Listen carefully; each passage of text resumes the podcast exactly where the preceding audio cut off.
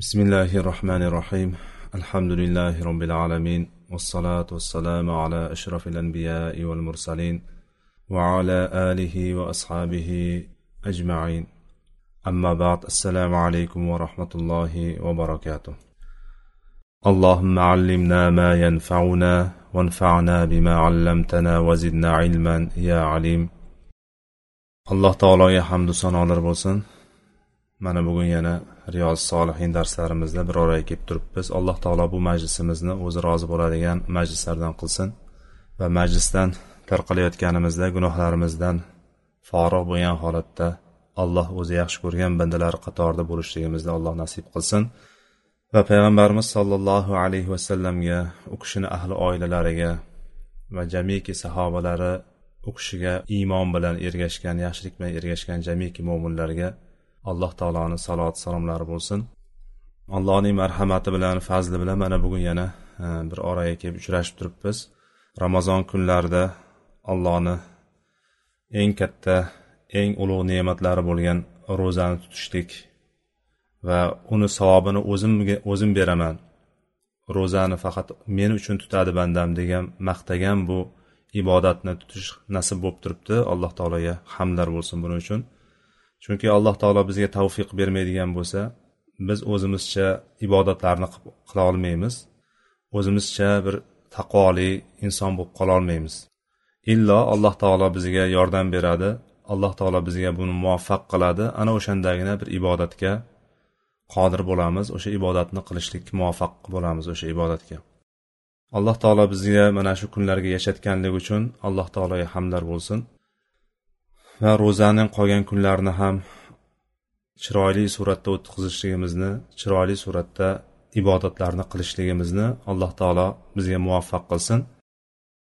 Ro'zani nozil ro'zani farz qilinishliklardan bitta sabablardan asosiysi alloh taolo qur'onda aytganidek laallakum tattaqun ular taqvo qilsinlar uchun bu oydagi ro'zani farz qildim deydi. Ya'ni biz deydi oldingi ummatlarga farz qilganidek sizlarga ham farz qildik shoyat taqvodor bo'lsalaringiz deydi. Ya'ni bu oydan biz taqvo olishlikka taqvodor bo'lib chiqishlikka harakat qilishligimiz kerakki taqvo o'zi alloh taologa alloh taoloni aytganini aytganday qilishlik degani. Alloh taoloni aytganini aytganday qilishlik va alloh taolo qaytargan narsalardan qaytishlik degani. Mana shu qisqacha ta'rifi. Ya'ni biz qanchalik e, ibodatlarga mustahkam kirishadigan bo'lsak ibodatlarni mustahkam qiladigan va sidqi dildan bag'rimiz ochiq holatda qilishligimiz ibodatlarga shoshilishligimiz mana bu narsa taqvoni ko'rsatadigan narsalari. Mana shu taqvo sifatini hosil qilishlik uchun taqvodor bo'lishligimiz uchun ro'zani bizga alloh taolo farz qildi. Mana bu kunlarda biz yanada ko'proq e'tibor berishligimiz ibodatlarga boshqacha nazar bilan qarashligimiz kerak bo'ladi. Va mana shu kunlarimizni bir tartibga solishligimiz kerak bo'ladi. Chunki kunlar uzun kecha qisqa. Kechani aksariyat paytda yana ozgina o'tirsam yana ozgina uxlamaydigan bo'lsak уже bir pasda saharlik vaqti kelib qoladi. Shuning uchun ba'zan uxlamasdan o'tkazishlik bo'ladi. Va undan keyingi bo'lgan bir e, yaxshi vaqtlarni alloh taologa zikr qilinishlik kerak bo'lgan vaqtlarni qo'ldan boy berib qo'yishlik soatlar vaqt anularni holatlarini o'zimizda ko'ryapmiz. Ya'ni biz kechqurundan o'tiriladida keyin bomdodda vaqtni vaqti kirishligi bilan o'qilib turib keyin yotoqqa o'tilinadi. Ya'ni uyquga ketiladi.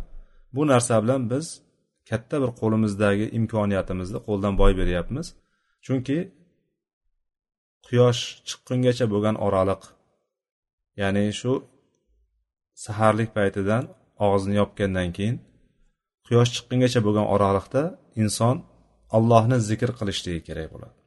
Bu zikr qilishlikni bu soatda zikr qilishlik va asrdan keyin quyosh botgungacha bo'lgan oraliqda zikr qilishlikni payg'ambarimiz sollallohu alayhi vasallam bizga targ'ib qilganlar. Bu narsani o'rgatganlar va o'shani katta bir ish ekanligini katta bir savoblar berishligini beradi ekan ekanligini bizga payg'ambarimiz sallallohu alayhi vasallam aytib o'tib ketganlar xabar berganlar bu narsani ya'ni biz hozir e, kechqurun bilan o'tiriladigan bo'lsa o'zi ikki uch soat nari borsa bir ikki uch soat bo'lyapti. Kechasi tarovuhdan keyin qolgandan saharlikkacha bo'lgan oraliqda.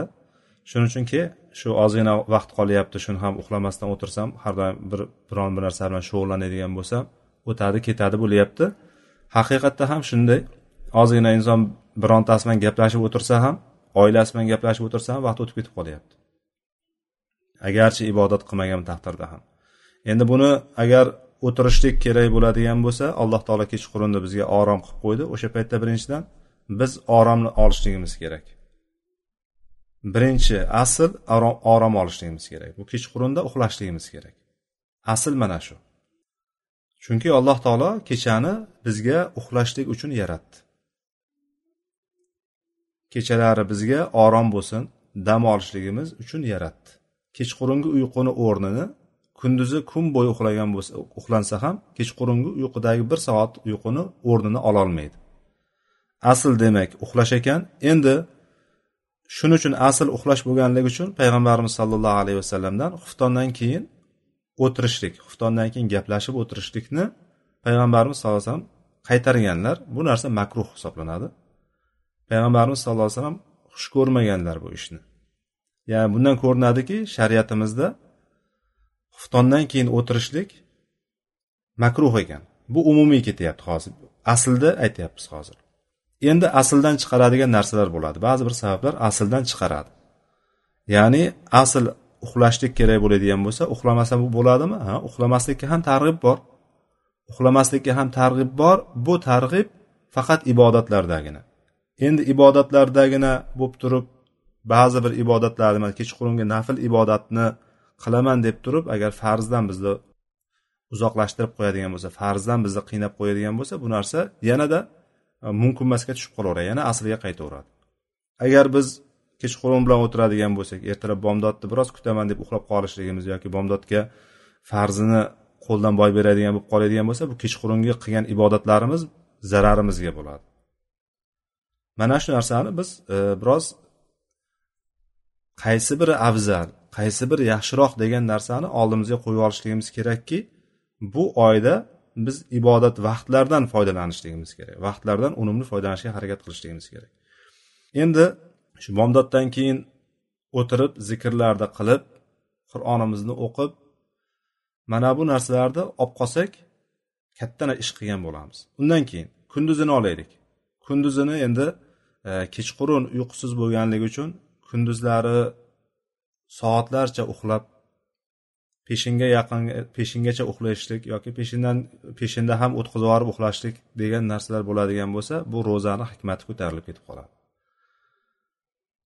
Kunlar issiq to'g'ri lekin kunlar issiq kunlar uzun. Lekin bu narsaga biz yo'l qo'ymasligimiz kerakki chunki bizdan e, kun bo'yi uxlab turib ro'zani o'tkazishlik bizdan talab qilingani yo'q.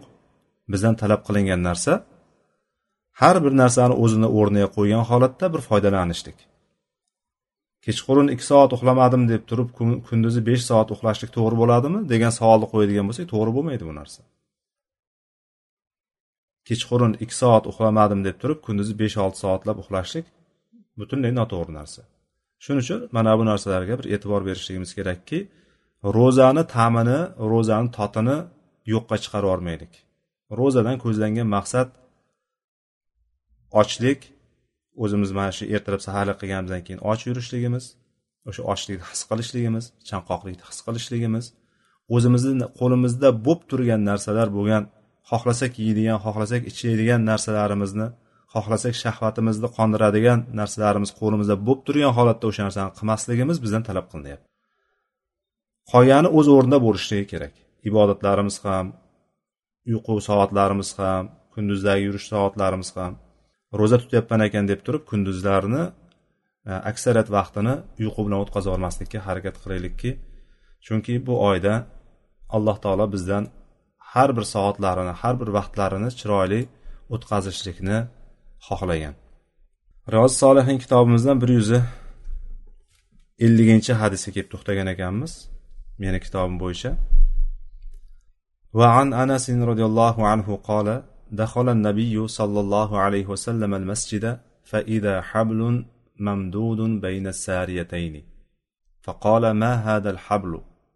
قالوا هذا حبل لزينب. فإذا فترت تعلقت به.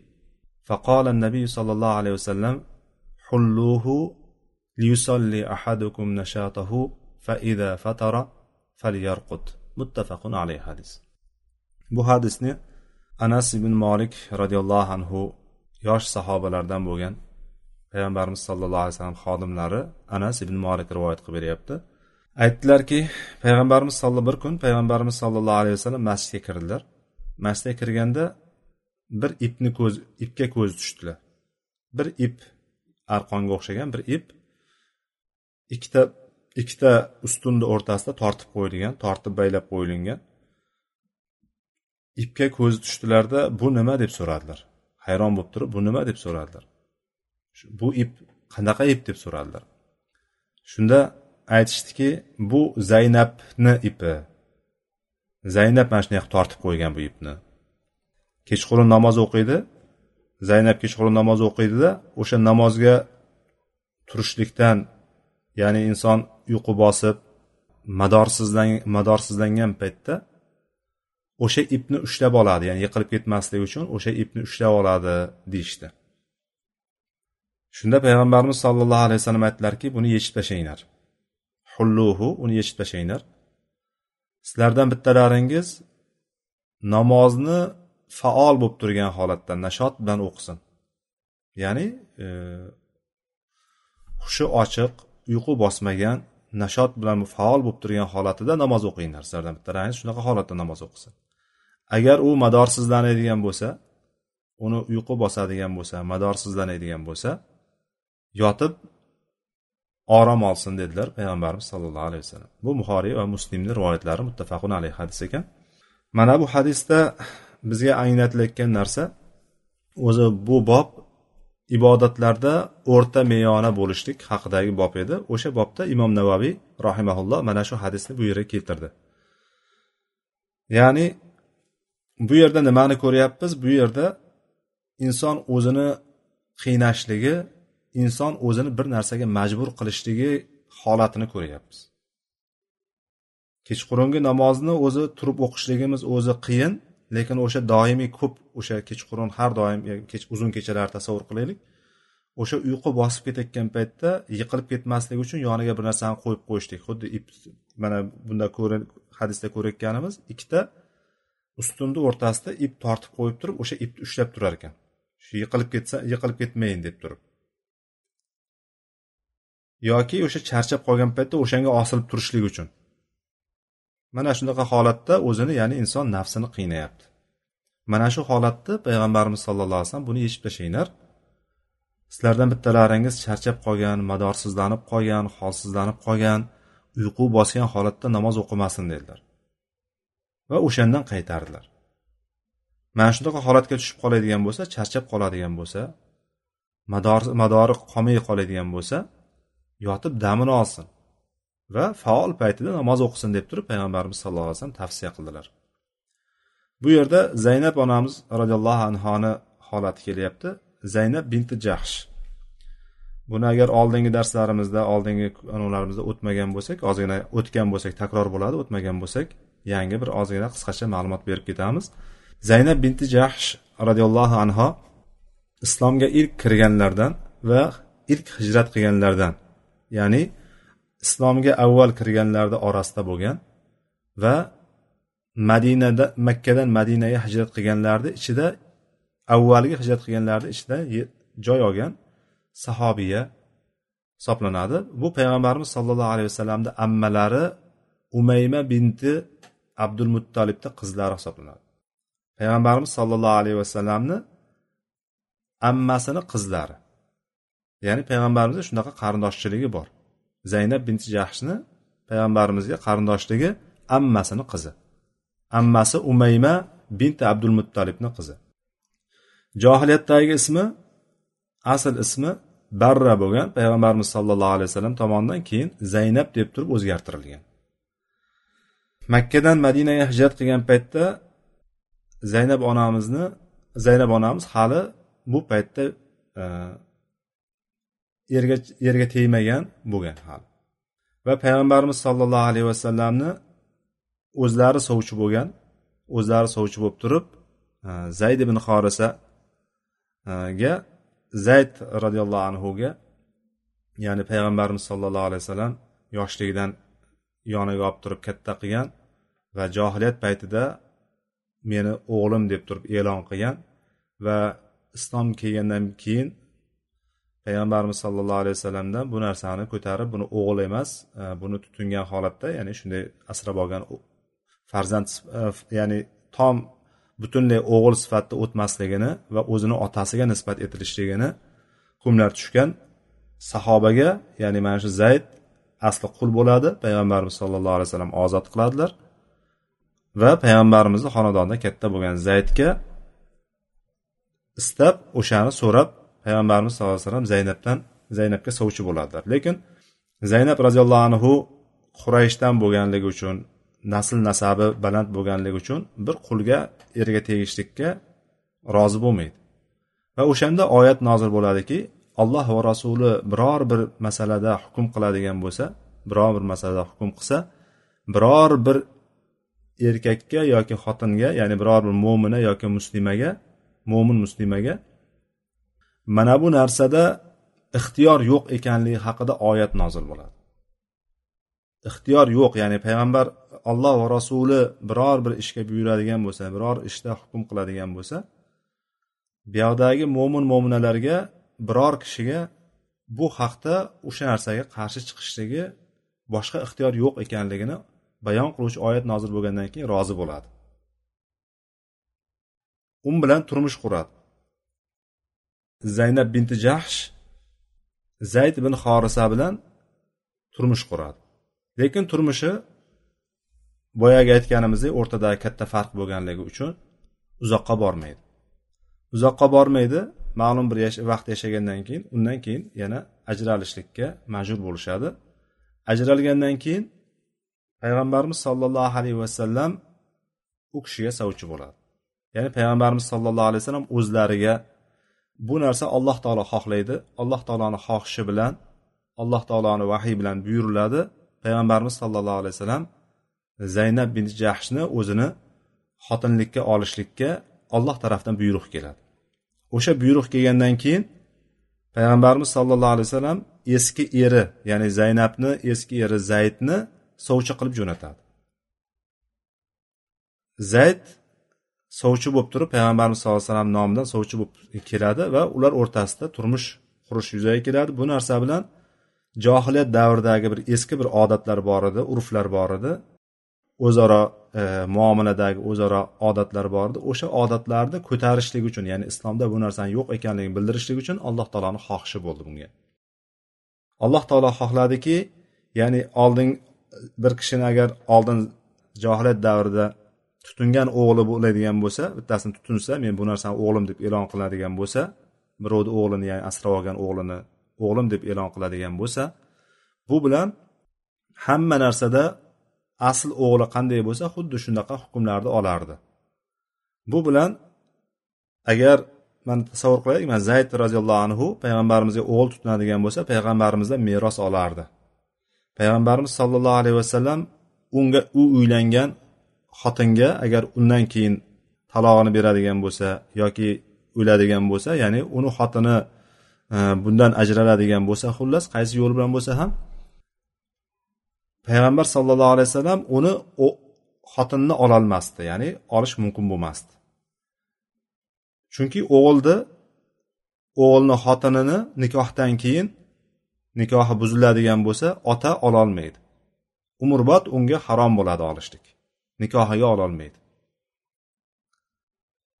Mana shu qoida islomda bor mana shu qonun islomda bor va bu narsa johiliyatda tutingan farzandga ham mana shu narsa qo'llanilardi va alloh taolo shuni xohladiki zayd undan ajragandan keyin alloh taolo o'shani ya'ni zaynab onamizni payg'ambarimiz bilan turmush qurishini xohladida bu bilan musulmonlar o'rtasidagi bo'lib turgan eski johiliyatda qolgan hukmni ko'tarishlikni xohladi. Va mana shu bilan shu holat yuzaga keldi va payg'ambarimiz sollallohu alayhi vasallamni oilalari holatiga keldi. Turmush qurgan paytlarida hijriy beshinchi yil bo'lgan hijriy beshinchi yil zulqada oyida turmush quradilar va o'shanda zaynab binti jahsh o'ttiz yetti yosh atrofida bo'ladi. Va payg'ambarimiz sollallohu alayhi vasallamni xotinlari bo'lgandan keyin mo'minlarga ona vazifa ona e, manzilatiga chiqadi va payg'ambarimiz sollallohu alayhi vasallamga payg'ambarimiz sollallohu alayhi vasallamdan keyin ilk vafot etgan xotini mana shu zaynab binti jahsh hisoblanadi. Payg'ambarimizdan keyin qolgan ayollaridan ilk vafot etgani zaynab binti jahsh hisoblanadi. Bu hijriy yigirmanchi yilga to'g'ri keladi. ellik uch yoshida madinada vafot etganlar. Va u kishini o'ziga xos holatlari bo'lgan. Ya'ni payg'ambarimiz sollallohu alayhi vasallamni ayollarini ichida oysha onamiz payg'ambarimizga eng suyukli ayollardan bittasi bo'ladigan bo'lsa oysha onamiz ya'ni zaynab roziyallohu anhuni o'ziga e, raqib deb bila olgan. Ya'ni o'sha menga munosib raqib deb ko'ra olgan o'ziga. Ya'ni e, zaynab roziyallohu anho payg'ambarimizga bir tarafdan qarindoshchilik jihatdan yaqin bo'ladigan bo'lsa ikkinchi tarafdan olloh tarafidan u kishini e, nikohga olinishligini xohlaganligi uchun u o'sha ikkita sifat bilan boshqalariga nisbatan o'zini e, har kim o'zini holatini bir anaqa qilib yuradiku. O'shanga o'xshab turib e, zaynab onamiz ham birinchidan men payg'ambarimizga qarindosh bo'ladigan bo'lsam ikkinchidan bizni nikohimizni alloh taolo xohlagan. Alloh taoloni xohishi bilan shu narsa bo'ldi. Alloh taolo bizni turmushimizni alloh taolo xohladi va nikohimizni xohladi deb turib o'shan bilan o'zini boshqalarga nisbatan mana shu narsa bilan maqtangandek yurardilar va xullas e, oysha onamiz roziyallohu anho o'ziga munosib raqib deb bilardi. Mana hozirgi hadisimizda ham ko'ryapmizki ibodatlarga juda mustahkam bo'lgan juda sersaxovat sahobalardan biri bo'lgan zaynab onamiz. Payg'ambarimiz sollallohu alayhi vasallam mana oysha onamiz o'zlarini tillaridan keladiki rasulullohni rasulullohni ko'zida zaynab men bilan bir xil darajada edi deb aytgan. Oysha onamizni so'zlari bu. Zaynab rasululloh sollallohu alayhi vasallamni ko'zlarida nazarlarida men bilan bir xil darajada. Undan ko'ra dindor bo'lgan undan ko'ra taqvoli bo'lgan undan ko'ra to'g'ri so'z bo'lgan qarindosh urug'larini rioya qilgan va ko'p sadaqa bergan birontasini bilmayman bironta xotin kishini bilmayman deb turib ko'rmaganman deb turib aytgan e, oysha onamiz roziyallohu anho bu zaynab binti jahsh haqida. Bu yerda ham ko'ryapmizki mana hadisimizda ibodatlarga qattiq berilganligidan ibodatlarni mustahkam ushlaganligidan hatto mana shu kechagi kechqurungi namozlariga bir ip baylab qo'yib turib yiqilib ketmayin madorsizlanib qoladigan bo'lsa yiqilib tushmay yiqilib ketmayin degan maqsadda o'sha ipga ushlab turib shunaqa holatda ham namoz o'qiganligi kelyapti. Lekin bu narsa ibodatlarda o'zini ortiqcha majburlashlik bir narsaga zo'rlashlik bu narsa bizni shariatimizda oldingi darslarda ham o'tib kelyapmizki bu shariat bu shariatimizda bu narsadan qaytarildi. Bu narsaga inson o'zini nafsini ko'p zo'rlamasligi ko'p qiynamasligiga buyurildiki o'rta holatda bo'lishligimiz kerak ekan. O'rta holatda bo'ladigan bo'lsak o'rta yo'l tanlaydigan bo'ladigan bo'lsak ana o'shanda biz ibodatlarni sevib bag'rimiz ochiqligi bilan qilamiz. Lekin agar ibodatlarni mana shunaqa o'zimizni majburlayveradigan bo'lsak ko'p majburlashligimiz natijasida bu narsa ertaga olib kelib qoladiki o'sha ibodatni birinchi o'rinda shunchaki tashlab qo'yishlik emas hatto yomon ko'rishlikka ham sabab bo'lib qolishligi mumkin alloh asrasin. Mana shuning uchun ibodatlarda biz nafsimizni qiynashligimiz kerak lekin toqatiga yarasha. Bir narsalarga albatta bu ibodatlarni hammasi qiyin. Ibodatlarni qiyin bo'lganligi uchun ibodatlarda sabr qilishlik eng katta sabrlardan hisoblanadi. Ibodatdagi sabr eng katta sabr hisoblanadi. Biz sabr bobida buni o'tgandik. Ibodatlarga sabr qilishlik harom narsalarga sabr qilishlik va musibatlarga sabr qilishlik deb turib shunaqa qilib turib ajratgandik. Mana bu ibodatlarga sabr qilishlik qiyin narsa. Nafsga juda og'ir keladigan narsa. Mana shu nafsga og'ir keladigan narsani biz agar biroz nafsimizni qiynamaydigan bo'lsak arzimay ya'ni har doimgi qilishligimiz kerak bo'lgan bo'ynimizdagi farz ibodatlarni ham tark qilib qo'yaveramiz agar bu nafsimiz xohlamayapti ekan deb turib. Bu aytganlarimiz yuqorida ham aytgandik bu nafl ibodatlarga tegishli bo'lgan narsa nafsni qiynamaslik degani ortiqcha qiynamaslik degani lekin biz savob kerakmikan biroz o'zimizni nafsimizni qiynashligimiz kerak bo'ladi. Qiynayapman ekan deb turib oshirib yubormaslik bizdan talab qilinyapti. Mana shu bobni mana bu o'tayotgan darslarimizni asl maqsadi mana shu. Uni ya'ni o'sha ibodatlarni qildiryapman deb turib oshirib yubormaslik talab qilinyapti bizdan undan keyingi hadis وعن عائشة رضي الله عنها أن رسول الله صلى الله عليه وسلم قال إذا نعس أحدكم وهو يصلي فليرقد حتى يذهب عنه النوم فإن أحدكم إذا صلى وهو ناعس لا يدري لعله يذهب yastag'firu fayasubbu nafsahu muttafaqun alayh bu hadis ham yuqoridagi hozirgi bitta oldingi hadisda quvvatlab kelyapti. Oysha roziyallohu anhodan rivoyat qilinyapti. Rasululloh sollallohu alayhi vasallam dedilarki sizlardan bittalaringiz namoz o'qiyotganida uyqusi kelib mudroq bossa ida naas ahadukum ya'ni naasa naas degani mudroq bosishlik. Uyqusi kelib turib mudroq mudroq bosadigan bo'lsa o'sha uyqusi uyqu undan ketgunigacha ya'ni uyqudan keragini olguncha uxlasin yotib dedilar. Yotib orom olsin uxlasin. Fal yarqud hatta yadhaba anhu nawm. Ya'ni o'sha uni bosib kelgan uyqu ketgunicha yotib uxlasin. Bu albatta kechqurungi namoz haqida ketyapti. Bomdodga turgan paytda men uyqum kelyapti ekan deb turib e, uyqum ketyapsin deb turib yotib turib quyosh chiqib ketgandan keyin turib o'qishlik haqida gap ketmayapti bu yerda. Bu yerdagi gap yoki xufton namoziga gap ketmayapti. Xufton namozi vaqti masalan soat o'nda kiradigan bo'lsa o'nda men uyqum kelib ketyapti deb turib yotib uxlab turib bomdoddan keyin o'qishlik yoki bomdod paytida o'qishlik haqida gap ketmayapti. Bu yerdagi gap kechqurungi namoz haqida gap ketyapti. Kechqurungi o'qiyotgan qiyomul laylda tahajjud namozi o'qiyotgan bo'lsak ana o'sha holatda bizga uyqu bosadigan bo'lsa uyqu yengib qo'yayotgan darajada uyqu bosib qattiq mudroq kelayotgan bo'lsa ana shu holatda bizdan yotib uyqudan o'zimizni ulushimizni olguncha dam olishlikka bu yerda payg'ambarimiz sallallohu alayhi vasallam targ'ib qilyaptilar. Chunki sababi nima bo'lyapti? Fa inna ahadakum ida solla va huwa na'is la yadri la'allahu yadhhabu fa fayasubbu nafsahu dedilar. Chunki sizlardan bittalaringiz mudroq holatida namoz o'qiydigan bo'lsa bilmagan holida istig'for aytyapman deb turib duoibat qilib qo'yishligi mumkin o'zini o'zi so'kib qo'yishligi mumkin. Yasubbu nafsahu ya'ni o'zini istig'for aytyapman deb turib buni tom teskarisi bo'lgan o'zini duoibat qilib qo'yishligi mumkin dedilar.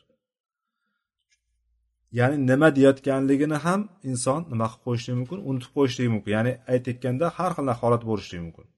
Chunki uyqu shunaqa bir narsaki uyqu kelayotgan bo'lsa inson gapirayotgan gapini nima deyotganligini unutadi. Nima deyotganligini ham bilmaydigan tili aylanadiyu lekin uni nima deyotganini qulog'i eshitmaydigan darajada bo'ladi.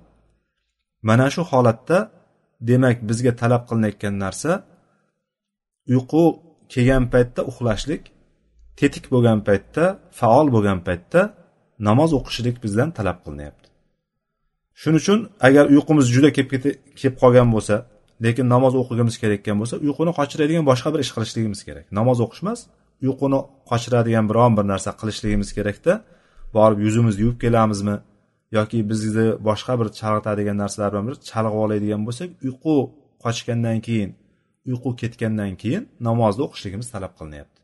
Ya'ni albatta yotib uxlashligim kerak ekan deb turib vitrni o'tkazib yuborishlik vitrni qazo qilib qo'yishlik talab qilinmayapti bu yerda. Bu yerda o'shani buni mohiyati asl maqsad nima bo'lyapti? Inson nafsini ortiqcha majburlamasligi zo'rlamasligi talab qilinyapti. Uyqusi kelgan paytda yotib uxlasin deyilyapti. Lekin biz o'qishligimiz kerak o'sha soatda agar hozir o'qimaydigan bo'lsak yigirma minutdan keyin yoki o'n besh minutdan keyin bomdodni vaqti kiradi. Subhi sodiq kiradi. Biz vitrda qazo qilgan bo'lamiz. Mana bu holat bo'lib qoladigan bo'lsa e, men shu hadisda yotib uxlasin degandi shu uyqu ketguncha uxlayman deyishligimiz noto'g'ri bo'ladi. Bu hadislarni kelgan lafzini lafziday o'shanga men amal qilaman deb deb turib noto'g'ri narsalarga hukmlarga kirib qolmasligimiz kerak. Bu narsalarni hammasini to'g'ri tushunishlikka harakat qilishligimiz kerakki buning uchun inson biroz faqih bo'lishligi kerak. Yotib uxlash kerak ekan deb turib mutlaqo yotib uxlashlik talab qilinmayapti bu yerda ya'ni inson uyqusi kelib turgan paytda ibodat qilishlikdan qaytarilyapti. Asl narsa mana shu. Uyqusi bosib turgan paytda uyqu bosib mudroq bosib turgan paytda namoz o'qishlikdan yoki biror bir o'sha namoz o'qib yoki duo qilishlikdan bizdan qaytarilyapmiz. Demak namoz uyquni qochiradigan bo'lsak o'qisak bo'ladimi? Uyqu kelib turibdi hozir. Uyqu kelib turibdi demak o'sha payt o'shani o'qimaymiz lekin e, uyquni qochirishlik faqatgina uxlashlik bilan emas uyquni qochiradigan bo'lsak boshqa narsalar bilan qochirishimiz mumkin. Yuzimizni yuvib keladigan bo'lsak tahoratni yangidan oladigan bo'lsak yoki boshqa bir narsa bilan chalg'iydigan bo'lsak bir piyola choy ichadigan bo'lsak ham uyqumiz ochiladi. Va namozimizni o'sha qismini asl bo'lgan qismini qo'ldan chiqarib yubormaslikka harakat qilamiz. Bu narsa umumiy kelyapti. Masalan kechqurun turdingiz soat o'n ikkidasiz. O'n ikkida turgan paytingizda namoz o'qiyapmiz. Namoz o'qiganimizda uyqu bosyapti shunaqa qattiq uyqu bosyapti qattiq uyqu bosgan paytda inson bilmasdan o'zini duoibat qilib qo'yishligi mumkin. Mana bu hadisda kelgandek o'zini duoibat qilib qo'yishligi mumkin. Mana shu holatda insonni namoz o'qishligi payg'ambarimiz sallallohu alayhi vasallam tomonidan qaytarilyapti. Demak o'sha holatda namoz o'qimaylik.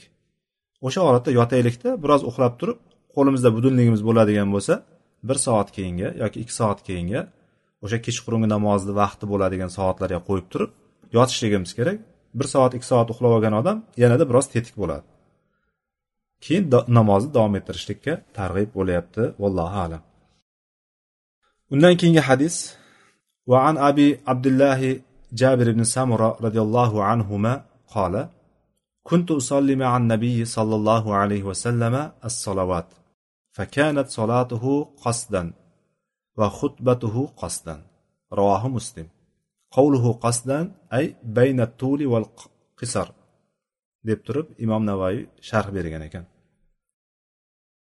abu abdulloh jobir ibn samuro roziyallohu anhudan rivoyat qilinyapti men dedilar u kishi payg'ambar sollallohu alayhi vasallam bilan birga namozlarni o'qirdim Ya'ni ko'p namoz o'qiganman. Payg'ambarimiz sollallohu alayhi vasallam birga namozlarni ya'ni bir qancha namozlarni birga o'qiganman. U kishini namozlari shunaqa ediki payg'ambarimiz namozlarini sifatlayapti u kishini namozlari shunaqa ediki qosdan uzun ham emas qisqa ham emas. Namozlari o'rtacha bo'lardi. Uzunligi qiroatlari o'rtacha bo'lardi. Xutbasi ham o'rtacha bo'lardi deb jobir ibn samuro roziyallohu anhu payg'ambarimizni ibodatlaridan bizga xabar beryapti. Rivohi muslim. Bu yerda umumiy kelyapti lekin payg'ambar sollallohu alayhi vasallam har doim shunday qilganlarmi degan savol tug'iladi. Bu narsa allohu alam bu qaysi holatlarda jobir ibn samuro e, qaysi kunlarda qaysi soatlarda o'qigan namozlari haqida gapirdi bu yerda balki bu salovat deganda kunduzgi o'qilingan namozlar yoki jamoatni o'qilinadigan farz namozlari haqida bizga xabar berdi. Chunki payg'ambarimiz sollallohu alayhi vasallamni kechqurungi namozlari haqida biz yaxshi bilamiz. Ba'zan ibn masud yoniga kelib turib o'qiganligi yoki muoz ibn jabal kelib o'qiganligi e, yoki abdulloh ibn abbos roziyallohu anhu payg'ambarimiz bilan birga o'qiganlarida uzundan uzoq e, hatto hozirgi kundagi e, baqara oli imron hisoblaydigan bo'lsak hozirgi kundagi e, oyat e, suralarni hisoblaydigan bo'lsak uch pora to'rt pora besh poragacha o'qiganligi keladi o'shanda. Uzundan uzoq turganligi e, oyoqlarini qavarib oyoqlarini shishib yorilib ketgan tovonlari yorilib ketadigan darajada uzoq turganliklari keladi. Mana shuning uchun bu yerda endi aytayotgan narsa o'rtacha bo'lishlikka bu bobda kelyapti. Demak payg'ambarimiz sollallohu alayhi vasallamni ko'p namozlarni o'qiganligi birga e, kelyapti. O'sha ko'p namozlari ya'ni ko'proq allohu alam farz namozlari bo'lsa kerak bu yerda. Э, yoki nafl namozlarda ham ba'zan shunaqa holat tutgandir. Ya'ni bu yerda boshqa bir hadis ham borki insonni o'sha faqihligini insonni aqlli ekanligini ko'rsatadigan narsalardan bittasi faqihligini ko'rsatadigan narsalardan bittasi namozini uzun bo'lishligi va xutbasini qisqa bo'lishligi deb keladi hadisda. Bu hadis e, o'sha hozir aytgan hadisimiz bu e, imom muslimni rivoyatida ham keladi. Mana shu kishini faqihligini dalolat qiladigan dinni yaxshi biladigan bilishligini ko'rsatadigan bir belgi namozini uzun bo'lishligi va xutbasini qisqa bo'lishligi deganlar payg'ambar sallallohu alayhi vasallam. Ya'ni bu hadis bilan u hadisni ikkalasini solishtiradigan bo'lsak o'rtaga bir natija kelib chiqadi. Ya'ni namozlarni uzun o'qishlik nafl namozlarda afzal ekanligi kelib chiqadi. Xutbalarni xutbalar odamlarga nisbatan qilinganligi uchun unda shunaqa bir qisqa so'zlarni qisqa jumlalarni va keng ma'nolarni o'z ichiga oladigan jumlalarni tanlashga harakat qilishlik kerak. Odamlarni zeriktirib qo'ymaslik uchun. Odamlarni o'sha narsadan katta foyda olishligi kerak bu ya'ni odamlar qochirmaslik kerak. O'sha odamlar o'shandan foyda olishligini ko'proq qasd qilishlik ko'proq xohlashlik kerak bo'ladi. Jamoat namozlarida farqli. Jamoat namozlarida qavmga qaraladi. Qavmga qaraladi.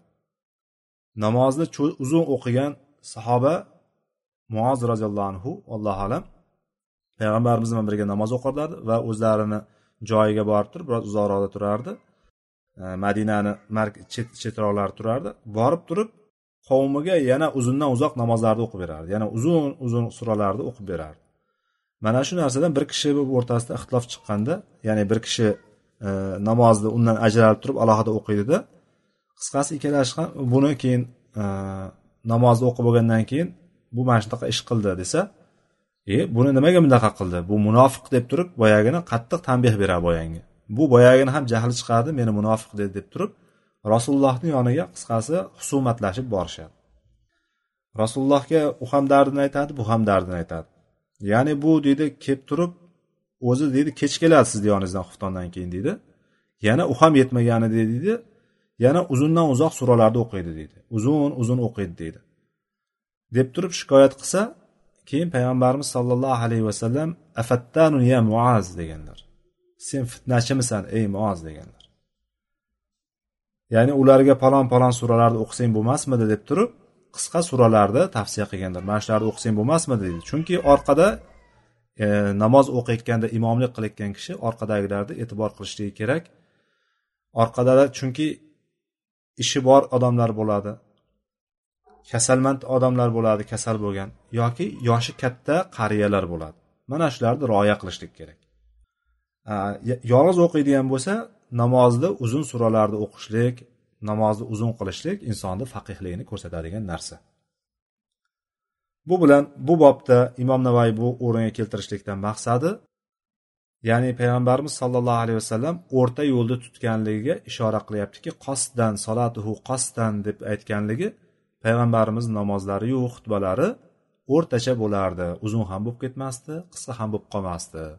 O'rtacha bo'lardi deb turib mana shu bobga keltiryapti. Ibodatlarda o'rtacha bo'lishlikka payg'ambarimiz sollallohu alayhi vasallamni holatlaridan bizga namuna keltiryapti. Vallohu alam. Mana shu yerda to'xtasak bo'lar ekan vaqtimiz ham bo'lib qolibdi allohu alam سبحانك اللهم بحمدك أشهد أن لا إله إلا أنت أستغفرك وأتوب إليك. وآخر آخر دعوانا أن الحمد لله رب العالمين.